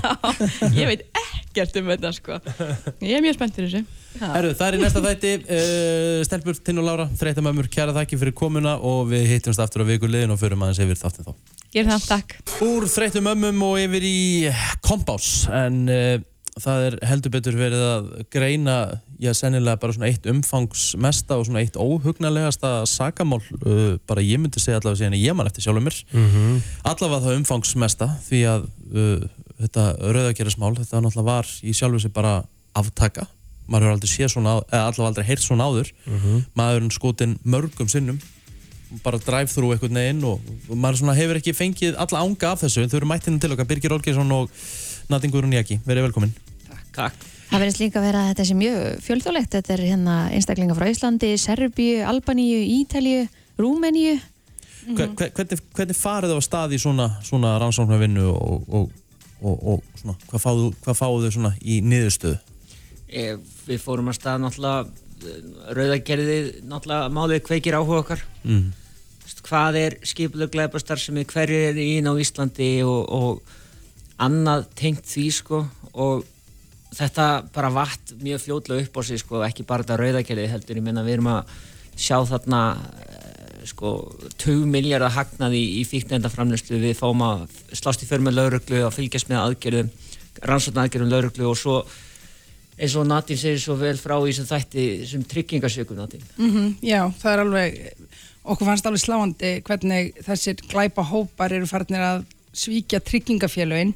Hvernig, hvernig, hvernig þá? Þeir eru bara búin að finna svona eh, gat í kerfinu eða bara svona læra inn á kerfið hvernig þeir eiga að fá bætur fyrir líkamstjón og við sögum frá því í þættinum sem kom út í gær að það er til dæmis einn hópurinn sem að hérna, uh, er búin að ná að svíkja út sko hátt í 300 miljónir út úr einu íslensku tryggingafélagi Vá. uh, og það er bara einhver snjall uh, starfsmæður hjá tryggingafélaginu sem að átta sig allt inn á minnstri fyrir svona að finnast nöfnin eitthvað svona átta sig að því býtu, var ég ekki, að- voru við ekki að greiða þessum bætur fyrir að hafa klast á ljósastaur fyrir nokkrum vikum og þeir eru sem sagt bara búin að klassa á ljósastaurar bara í, í mjög langan tíma og fá bætur fyrir já 300 miljónir Þannig að þeir, þeir bara fara viljandi á staurana bara hópa, hópa sér saman í bíl Já. og hérna En erum við bara bl- blind fyrir þessu eða erum við bara ekki tilbúin fyrir þetta eða... það er kannski spurning sem við svona erum að spyrja okkur í þessum þætti að þegar maður heyri skipuðu glæpastarfsemi þá sér maður að bóa með lambúsettur og, og, og fleiri þeim dúr en þetta er einmitt eins og þarna mjög geta verið hverstaslegir glæpir ef maður kalla það líka sem að er að skekkja myndirna fyrir okkur það er risastórt svart hagkerfi í kringum þetta sem að þú veist, skekkir fastegnamarka en það hefur áhrif á hvað sem mikið við borgum í tryggingar og fleiri þeim dúr en svo er þetta, þetta rauðagerðismál sem að við erum að fókusera á í dag, í tættum í dag og þar erum við viðtal við ekki mannsins Armando Bekiræ sem var myrtur fyrir utan heimilisitt í rauðagerði og ekki hann Þórana Helga Gunnarsdóttir er að segja svona sína sögu, sína upplifun og sína gaggrinni í rauninni á í rauninni undanfara málsins Akkurat, Mhm. hún, hún eh, sem sagt, uh, við segjum frá því í þættinum að, að lauruglan hafði upplýsingar um og við erum með það staðfest frá lauruglunni að hún hafði upplýsingar um að, að sá sem að hefur gengist við því að hafa myrt einmanninnar uh, hafi verið vopnaður skambissu uh, um þremur vikum fyrir morðið og þessi sami maður eh, og, og eins og hefur komið fram í fréttum áður hann uh, var eftirlýstur í Albaníu Mhm. fyrir, fyrir já, nokkuð alvarlega glæpi Og búið að byggja um að láta framselja Já, búið að byggja um það þannig Og að hvers hún vegna er var svona- það ekki gert? Já, það er svona daldið lagalegt, það er bara samkvæmt, samkvæmt lögum þá, þá eh, eru menn ekki framseldir ef það hefur ekki fallið dómur á æðsta dómstígi eins og, eins og hæstiréttur hér á landi sko, þannig að það er bara fallin dómur þarna í einhverju millidómstígi þegar framseldsbæðnin er að borði lauruglu hér á landi Þegar að lögreglan fær þetta í hendunar með síðan vopnaða skambis og svona láð þá fyrir, var hann þá búin að vera í hótunum við, hótunum við þann sem var myrtur, eh, þú veist, var, var, var, var leita allt út fyrir að það væri að fara að gerast eitthvað? Nei, við, við vitum það svo sem ekki, við, það er ekkit, við vitum ekkit hvort að, hvort að lauruglu hafa haft upplýsingar um að hann væri að fara að nota byssuna Nei. en, en við ræðum við laurugluna og, og hún segir að þeir hafa farið að leita hjá honum og þeir hafa ekkert fundið þeir hafa vissulega þeir eru frétta því að, að, að manneskja með þessa fortíðurinninni sé vopnum skambur þá hefur við vilja í rauninni fylgjast með honum mun betur en mm. laurugla segist ekki hafa mannablanið tíma bara til að geta staðið í því Já, þeir svaraði svoleiðis í þættinum og það má líka kannski komin að að albanskir miðlar fjölluði talsvert um þetta mál og, og, og sögðu til dæmis frá því að, að Angelín sem að er sá sem hefur játað, játað á sem morðið, uh, hann hafi til að mynda sko, fengið fimm áras fangelsistóm fyrir að hafa svift eh, 62 ára gamlan Karlmann frelsi í, hvað var það? Eh, 20 klukkustundir Eitthvað svoleiðis, já. og beðið um einhverja háar fjárhæðir sko, fyrir, að, fyrir, að, fyrir að honum er í sleft en þessi viðtalið við Þórinu, þetta er mjög áhrifríkt og sýnir okkur líka því að fólk einhvern veginn tengir þetta rauðagerðismál við bara hörku og ofbeldi og eitthvað sem að kannski bara við tengjum, almenningur tengir ekki við en uh, svo sér maður einhvern veginn hana og, og maður, eh, það kemur einhvern veginn önnur myndamálið Já, bara maður sem átti fjölskyldu í rauðagerði sem að, og bara, og elskaði barnið sitt Mm. sko og, og hún er ólétt hún sérst á vona barni núna í, í júni þannig að þetta er, þetta er Skelfilegt. virkilega erfiði tímar sem að hún er að gangi í gegnum En er, er það svona kannski umræðan í þessum erlendu glæpahópum að það sé bara auðvelt að vera glæpamaður hérna á Íslandi í rauninni þetta er svona litlar, litlar afleðingar og, og auðvelt að svíkja kerfið Í rauninni þeir eru vopnar en okkar lögregla er í rauninni óvopnið fyrir utan kannski hús sérsveitina og Þetta er náttúrulega, eh, sko, valið spurningar er svakalega erfið umræða. Eh, það að, sko, að eins og maður sé kannski í bíómyndum eins og Borgríki talað um Ísland eins og Disneyland og annað, sko, Mhm. að lauruglan alltaf segir í þáttunum hjá okkur í gær að, eða sem að síndur í gær að, að hún óttist mjög að albarska mafja muni svona reyna að hafa einhver tök á Íslandi það er sem sagt uh, hún telur að albanska mafían sé ekki fann að gera sér alveg mjög gildandi á Íslandi hún er stóri Evropu, háþróuð, velskipulög og, og stjórna fíknendamörkanum og mörgum svæðum en þeir óttast þetta að sem sagt, harsfyrir glæparsandu komingað og þá óttast þeir að lenda undir að það hefur gerst í öðrum borgum og þetta er svona umræða sem að þeir eru að reyna svona að vekja aðtegli á að það þurfi að efla allavega einhver tök- Löggæslu. já, löggæsluna í gegn þessu sko Mhm. þátturinn uh, Kompass hver er hægt að nálgast þetta og, og sjá þetta? Vísi, eh, það er bæði þættir, báðir þættir, þættirnir þar um, já og við bara mælum með því að, að allir horfa á þetta algjörlega Nadingurinn Jaki og Birgir Olgjesson, kæra þakki fyrir komuna. Takk. Brennslan, hún er uh, björt og brosandi heldur betur. Hvernig eru þau gæs? Bara björt, uh, bjartur og brosandi sko. Já. Vá, ég hef aldrei séð svona mikla umferð á Suðurlandsbraut. Ég er ekkert að grínast. Þú veist, það er búin að COVID í meir en ár. Já, já. Sen í mars í fyrra. Já. Því líkt líf, pældi í, maður er farin að fagna því að vera fastur í umferðateppu. Já. Hversu slæmt er það? Það er helviti stemming sko Herra, ætlar að setja trailerin á það? Já, við erum að fara í, við erum að fara í þetta. Já, Gjör á tökulum Vissir þú að abar kúka bara einu sinni í viku? En vissið þú að selir gera í raun ekki neitt? Tilgangslösi móli dagsins í brennslunni. Akkur er þetta trubla trailer? Attitude það er alveg þreytur. Þreyttur? mm.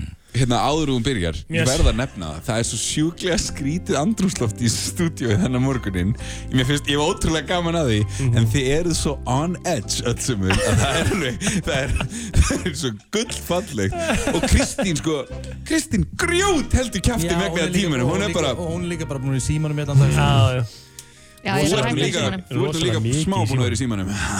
Það er bara milli kynninga já, ég, það er- já, ég líka þegar ég baði um það. ég var að senda þér smá Ég veit Já, það, ekki já. eðlilega flott Og Jón Már er alltaf að senda okkur ykkur nektarmyndir að sér, það er ekki alltaf steikt. Er það? Já, en ég kann að meta það sko. Það er ekki það. já, já. Herðu, eru tilbúin? Hva, hvert fór hverfir uh, Jónsdóttir? Hvað er í gangi? Herri, hún bara fór út úr stúdíón og hún sagði ekki orð Nei, nei Kristi Rutt Hún bara spjallaði við heisa Hverfir Rutt Jónsdóttir, herri, já, já, þá bara heldur við áfram Já, já Þá kemur hverfir inn aftur Hvað hérna? Æja, ok, herru, við höldum áfram. Ekki verið á mín Herru, þetta er náttúrulega ekki, þetta, er- þetta er náttúrulega, þetta er steikt kynning maður. Já, herru, höldum áfram. Hvað haldið þið reyfið ykkur Við oft erum í í... Ah. síman Ok, ég Hvað haldið þið reyfið ykkur oft í svefni? Þú veist, á nærmina, Vá. svona Níu cirka sinnum. bát. Níu sinnum. Níu sinnum. Mm. Já, ég reyði mig heldur oft Já, ég held að ég sé á flegi ferð Er það? Já. Rikki kemur fram við þetta eins og keppni Mér finnst ofta En Hvað gerðust? Ertu að finna áhuga á þinn? Hvað er í gangi hérna? Nei. Ég hitt ekki á stólinn í dator því ég var að reyna að láta Nei, í alvörunni? Nei Ég var að reyna að láta þetta lúka eins og það hefði ekki gerst Í alvörunni?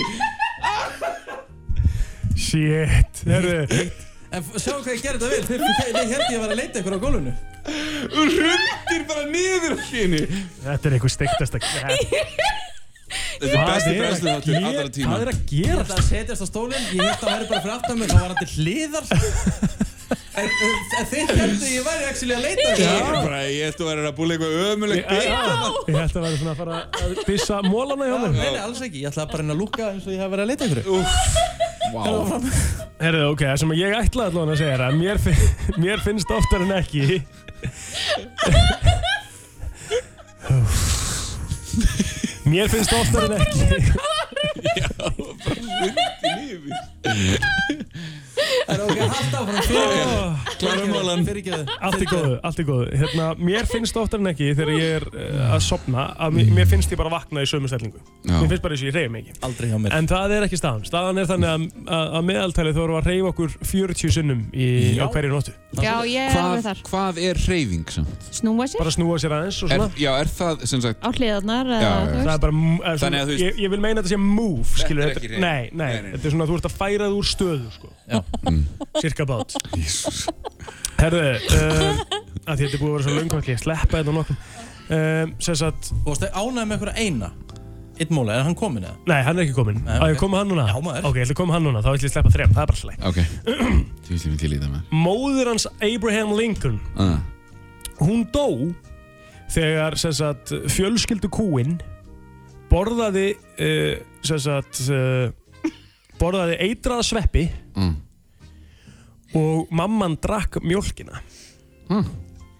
Þannig ég er búinn að segja þetta margótt, varðið ykkur á mjólkinni Va, va, varst í, varst í, Já. hérna, varst í alvörinu svona, þú veist, ekkert eðlilega Já, hann stoltur var og þú varst að ótrúlega finna þennan spenntur mola? fyrir þessu Já, því að hann var þá nýbúinn að rífa kjáft eitthvað við mjólk og eitthvað svona móla sem ég var að segja, skilur Ah. Nei, bara, ég, við vorum að tala um síðasta Hey. söludag sko Já, og þetta- þetta- þessi mjólk hefur verið komin á síðasta söldu Eh, Það er bara hannig nei, Hún- nei. Hún, hún, hún, hún, sko, hún dó Já, ok, moral of the story, ekki drekka mjólk Herðu, nú ætlum ég að spyrja ykkur, þetta er annað skemmtilegu móli Ok, tilbúin uh, Ég ætla að byrja á Rikka Nemndu mér lit Wow Hvað uppáhaldsleiti minna? Nei, bara lit Bara lit, rauður Já, nemndu mér lit Græn Nemndu lit Má maður velja sama? Já. Blár Ah, ok Það meika bíddu, make, make svo sem ekki sens En þetta Bíddu, meika bíddu. sens út frá Rikka Býtum við, Kristín spurði, má Má velja maður velja sama? sama? Já. Hún fekk já, en hún Hún Um valdi valdi ekki ekki sama Því að ég held að flestir fari í rauðan Ok, Þegar þú spurðum lit þá eru flestir sem fari í rauðan Það er bara mólin Já, Ef þú spurðu bara um einhvern lit Mm. Þá eru þrýr af hverjum fimm sem segja rauður ég vissi þetta nefnilega Ástæðan fyrir því að ég vel rauðan af því að það er uppáhaldsleiturinn minn Er Það? Já, Þú ert líka rauður í úlpu já, já, ég og, fu- og að flestir gólbólunni mínur eru rauðir Mm. Já Mhm. Ég er yfirleitt rauður Mm. Ralph Lauren Það er, minn, það er svona minn color Já, já. Ferðu Eh, líka vel, sko Takk. Herðu, uh, orðið Geggjaður. Mm. checkmate sem við þekkjum úr eh, skák það kemur úr uh, svona frá, frá, frá Persíu og, og úr, úr sem sagt, freysinu sem heitir shamat sem að þýðir í rauninu bara kongurinn er döður Já Það kemur checkmate Eha. Herru, svo er annar síðasti mólinn hindi í dag Hvað haldið þið sko maður? Skinnið okkar Já. Ef við myndum vera bara, það var bara var, að fletta á okkur öllu skinninu Mm. Þá er það 3,2 eh, þrjú- 3,2 kíló Já. Á meðaldari Það er ekki mikið Ekkert nefnilega svo mikið Verði ég að segja Sammála því Það er bara alls ekki mikið Nei, En vatnið í okkur, þekki ekki, þetta er ekki, það er ekki en mólinn blóðið Þekki ekki Getur þú verið með á morgun? uh, Já, já Erum við ekki með cirka 8 lítra af blóði eða? Ég veit ekki Það er ekki Já, ég sé að vera með það á morgun En þetta voru mólanir í dag og þetta var bara so- Sorry, en þe- þeir eru náttúrulega eðurlöðuð mólana í dag sko. Eðurlöðuð mólana með því að Rikki datt þarna Fyrirgeðu Egil Ói, hvað var fyndið? Allt í góðu, þú veist, það er allt í lagi Þetta er á hverjum degi, það er ástæðan fyrir að hann kallaði svo því Þið og hann verður aftur á morgun Rita Ora og eh, Iman Beck Lægið heitir Bang Bang og það er- öðru og væfa Hva, Hvað eru þið að gera nú? Hvað, hvað Þeir eru búin að vera, að be- sko, síðan að ná komindan til okkar Þá erum við búin að vera að drekka rauðrófus Geggjaðir félagar Og hérna, Þú veist, ef maður fær mjög mikla orku úr öðru og Ég er sammála því, Það það er, er- ég fyrir það- að því það er bara hellingur sko. Það er pre-workout bara já, ég hef verið að taka þetta bara fyrir æfingar Og ég þarf að leita leiðum að Því að mér finnst þetta það vond að ég byrjar að kúast þegar ég drekki það En þá ertu ekki að gera þetta rétt Hvað hérna, þú ert Þetta að bara- setja bara vatn fullt af vatni og klaka og, og þá verður þetta gott Nei, nei, þetta er náttúrulega má alls ekki vera fullt af þarna, sko. Ég bara, í venjulegu glasi, skilur Já, það, það er náttúrulega er- það er náttúrulega það sem er Og verst að að vita drekka þetta með röri, það er mikið aðri Sko, elsku plóter Hún setur náttúrulega bara eina teskeið af þessu Klíkja, þú ert að setja matskeið sko Nei, nei Tablespoon Mm. Já Já Þú ætti að setja matskið af þessu út Mm. í vatn eða út í vökva en málið er að Egil Plóter er svo ótrúlega klíðugjæð og allt er ógæðslegt sem Ég veit er það. ekki viðbjóðslega gott Mhm. þá er það bara, there is, það er ekkert in between það er enginn að fara að ljúa mér Þannig Þannig að að, Þið er ekki að fara að byrja að ljúa mér að ykkur finnst rauðrófis af í góðu Nei, nei, nei, finnst það, engum er, það rauðrófis er af í heldur enginn góðu. að segja það sko Jú, jú. En við erum búin að, við erum búin, ég er búin Æ, að vera að segðu- hjálpa segðu- þér segðu- basically æ, að æ, segja sko. segðu það, hvernig rauðrófsafi eh, svona lyktar þú veist Eins og þú- þú- mold. Þetta er eins og mold Já, Og bara bragðast alveg eins og mold. Já, Já. rauðrófa, eldur rauðrófa er bara moldabara skilur En ég er semst búin að vera að leggja mig mjög mikið fram við að reyna að, fá, reyna að finna leiðir sem að Egil Blóter getur notið fæðubótar hérna Það er á meðal að finna einhverja low calorie sava sem Mhm. að ég náttúrulega sendi þér þarna Ice tea í fernum eitthvað Já, já, Eitthvað ég hef- drasl. ég hef persónulega kipt bara fyrir því að þetta verður öðru King uh, Ingi Torfi var náttúrulega að senda okkur hérna einnig Makróskongurinn, engi fer skot með Já, Ég reyndar hef aldrei meikað engifer Nú. Engifer skot með Mm, Hva- elska hvað engifer. meinar- Hvað meinar hann satt með sko, engifer skot að með? Mm, setja bara svona rauðrófusafa Yes. og setja síðan bara 10 gram með eitthvað af engifersafa út í Mhm. klaka, vatn, rör Þá ertu við golden Af hverju er rör samt? Ég Af vil því bara- það er ký að drekka með rauðri Nei, nei, ég vil ma- en bara maður vill- tjökkið þeir ma- svart já, og maður ekki vill gunna Já. Já, ok, en af hverju farið þetta ekki þá bara í skotuglasi? Ah. Þú ert nú vanur að taka skotin Já, Það já. er bara eins og öðruvísi skot Já, já, en hvað mennur? Fyllibitainn. Ég skil ekki alveg ég skil- Fyllibitaðinn Ég skil ekki alveg eh, Hvernig á ég að taka matskeið af Já, þú ert að- þú rauðrófugulti í? ert með duftinu, já, ok Það er það er Bara að vera keftu bara rauðróf og saf og blanda honum í vatn Já, það er líka hægt Já, en við eigum rauðrófu duft Við eigum rauðrófu duft sko Við þurfum að nota þetta Já. Keftu bara rauðróf og saf, hættu Nei, svo ekki- Settu dufti það bara út í bústi eða eitthvað Ég heldur ég hef alltaf tími í það, bara negla í bústa Ég er bara á ferðin, ég er bara rétt og komin að æfingu og Ég er bara þar að negla mér í rauðrófusan Ég hef ekki tíma til að fara að gera búst Fáðu alla- þá, en fyrir fáðu þá reynd skyr og se- bara blandaði þið út í eða eitthvað Já, því ég ætla að eðilegja skýr Sko, þetta er, kemur inn á það sem ég var að nefna á þannig að Egil Plóter er mjög klíðugjæð Því að skýri svo geggja Mér er allt í raun fyrir að finnast skýr bara mjög gott sko. Kókoskýrið frá, frá hérna, bara íseg kókoskýr Ég er bara reynd skyr líka bara mjög Geðveikt gott stöf, sko. Herðu, hérna, uh, annað mm Mhm. Ástæðum með engifer skotið Það drefur moldabræðið úr hérna rauðróf Er það? Ég er svo sem orðin vanur hérna, mo- það trubla, Þetta trubla mikið lengur Nei, nei, nei Úst, Það er líka Þú venst öllu Já, já, það er málið með allt þetta drasl að bara svona, ok, þetta er vond en þetta gerir þér það gott að þú bara eitthvað Ég, ég get alveg trúa því að rauðrófi duftið sé ekki eins gott og rauðrófi safi En akkur hérna Það er bara nákvæmlega Er Nei, líka trúi- með þannig trúi ekki. Gætu I know. við vanist öllu Já, já Ef maður færi bara, þú veist Ég veit ekki hvort þetta sé kannski of, of djúft í áran að teki Ef maður færi að drekka hland Myndum maður venjast í á viku Æi, come on Já, þú myndir gera það, sko Þú veist að því, eh, maður Af ma því að- verðist geta vanist öllu Já, það væri bara, það væri sömu hugrenningatengsla bak við þetta og að að innbyrða mol- þú veist, mold Ah, Já, eða, já, eða röðrúi skilur þú myndir bara, þú myndir bara sannfæra sjálfa þig um að þetta væri gott að því máli því ég drakk þetta í fyrst skipti þá sagði ég, ég ætla aldrei að drakka þetta aftur piss þá nei, Nei, nei. rauðrófur safan en svo bara á öðrum degi að bara ah, ok, þriðja og svo eftir bara fjóraða herru, ég finn ekki fyrir svo lengur já, það er þannig sko líka með venur sig bara við alls konar hluti já, já En hvað mennur, ég, ég er búin að drekja þetta núna í svona tvær vikur sko mm. eh, Hvernig fengum við það? Vika síðan eða?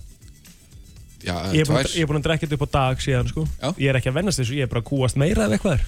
Hvernig Eins og ég getur segi, það samt þú ekki ert svo kúgast- kríugjat, sko. En af hverju hættirðu svo þá ekki bara? Af því að þetta er Af gott hverju- fyrir mig af hverju kemur ekki að Hárrétt. makros? Ég ætla að ég er basically á makros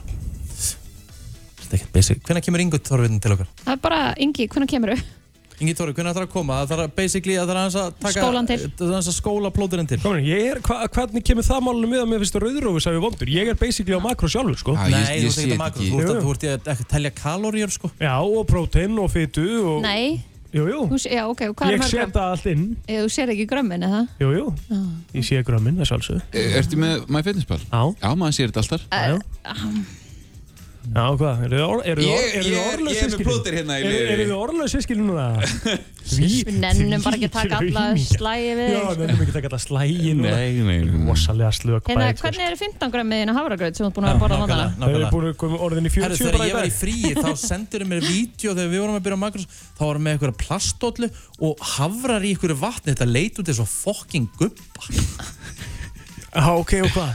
Það var bara ekki vatni orðið nú heitt til að Jesus. verða gröyt, skilur Ég bara var að vinna hérna á milli laga og svona, sko Því er ekkert að vera eitthvað svona, sko En, þú veist, Rauðrúður Já, sagði, settu ekki gott nikotínpúðann í þig Áfram gakk Bless, bless Ekki missa af FM 95 Blöð Förstu dag á FM Ég myndi halda að næst mér væri svona svona BDSM byrjandi Ok, elska svari Nei, þú veist, ég myndi, Já. þá, þú veist, þá er ég að tala um skilur Þú ert láta berja þig og nöðulega Nei, nei, ekkert endilega Ég var meira að tala um bara svona Ég kannski flengja hvort annað svona laust og smá handjátni og svona byrjanda fetti sko. Þú veist, ég, Það var næst mér Skilur það, ég myndi ekki allt í henni fara bara í að sleika tær á fullu, ég er ekki trefin af því Nei.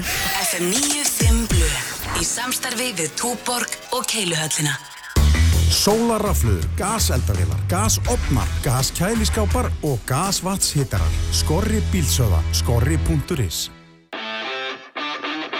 Vefsíðan okkar er svarið með yfir 4000 vörur verkværasalan á ffs.is Ekki verið eins og krýplingur á útskriftadaginn. Þó einhverjurnar hafi ekki verið frábærar, þá getur þú samt verið það. Anskotin hafið það. Kölski. Kínverst í hátteginu. Háttegis tilbúð alla virka daga millir klukkan 11 og 2. Fönix, Bílsöða 12 og Dalsröðinni 13. Brennslan er í samstarfi við Spott Kópavogi Æsland, Subway og Miniso kringlunni Let's go! FM Númer 1 í tónlist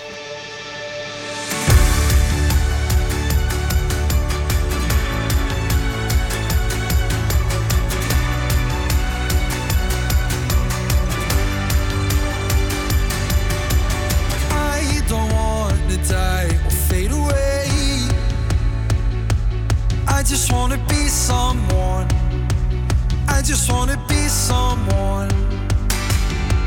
Dive and disappear without a trace. I just want to be someone. Well, doesn't everyone? And if you feel the great dividing, I wanna be the one you're guiding. Cause I believe that you can lead the way. I just wanna be somebody to someone, oh. I wanna be somebody to someone, oh. I never had nobody and no road home. I wanna be somebody to someone. And if the sun starts setting, the sky goes cold. And if the clouds get heavy and start to fall, I really need somebody to call my own. I wanna be somebody to someone, someone to you, someone to you, someone to you, someone to you. I don't even need to change the world. I'll make the moon shine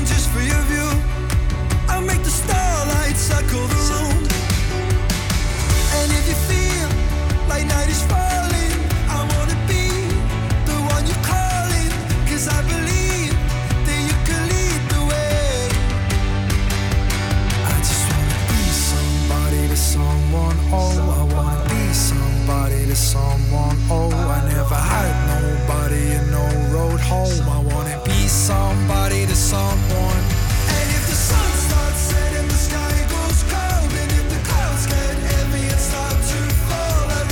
Pæli, svona var þetta okkar með einstu degi Mhm.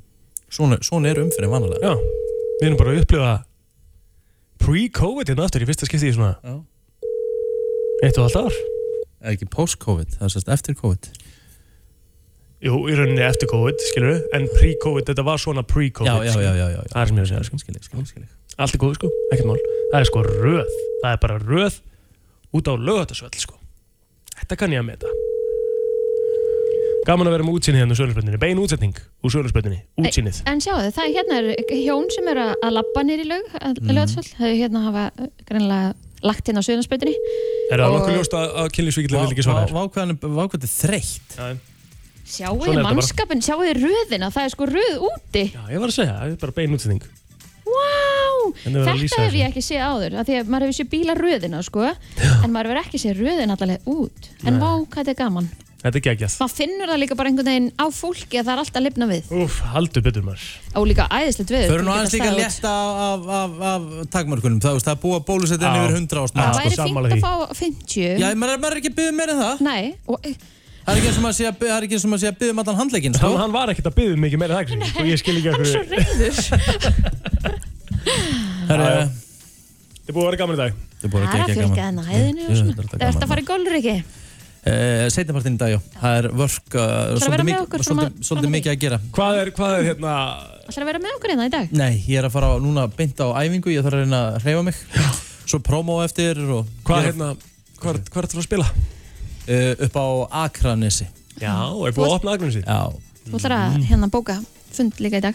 Ég er búin að því Já, það er- Búin að því Það verður skemmtilegt í sumar Gólmóta FN í um sjö Já, ég get eða ekki beðið, það var svo gaman í fyrra og þá Geðveikt. voru takmarkanir, en núna verða vonandi minni, eða sérst færri takmarkanir og þá eru við bara fyrir að vera með skemmtikrafta sko. bara Já, já. partí, Alvöru veislustjóra partí, og bara, og að komast í það mót það er bara, þú veist, 50 á móti 5000 sko. Já, það var mikið, hérna, mikið, Mikil mikið aðsókn í aðsókn bara fyrra. í fyrra og því miður þá náttúrulega komust færri aðeins vildu mm. En það er, uh, þetta er bara hap og glapp Því miður Hmm. Það er bara þannig. Brennslan alltaf besta úr uh, þættinum ferinn á Vísi og Spotify við verðum hér aftur á slæginu klukkan 7 í fyrramálið Já. Verið þið sæl Takk og bless. Takk, takk Bless, bless. Heyrumst á morgun Gaman að vera með ykkur í dag. Alright. Það er bara þannig.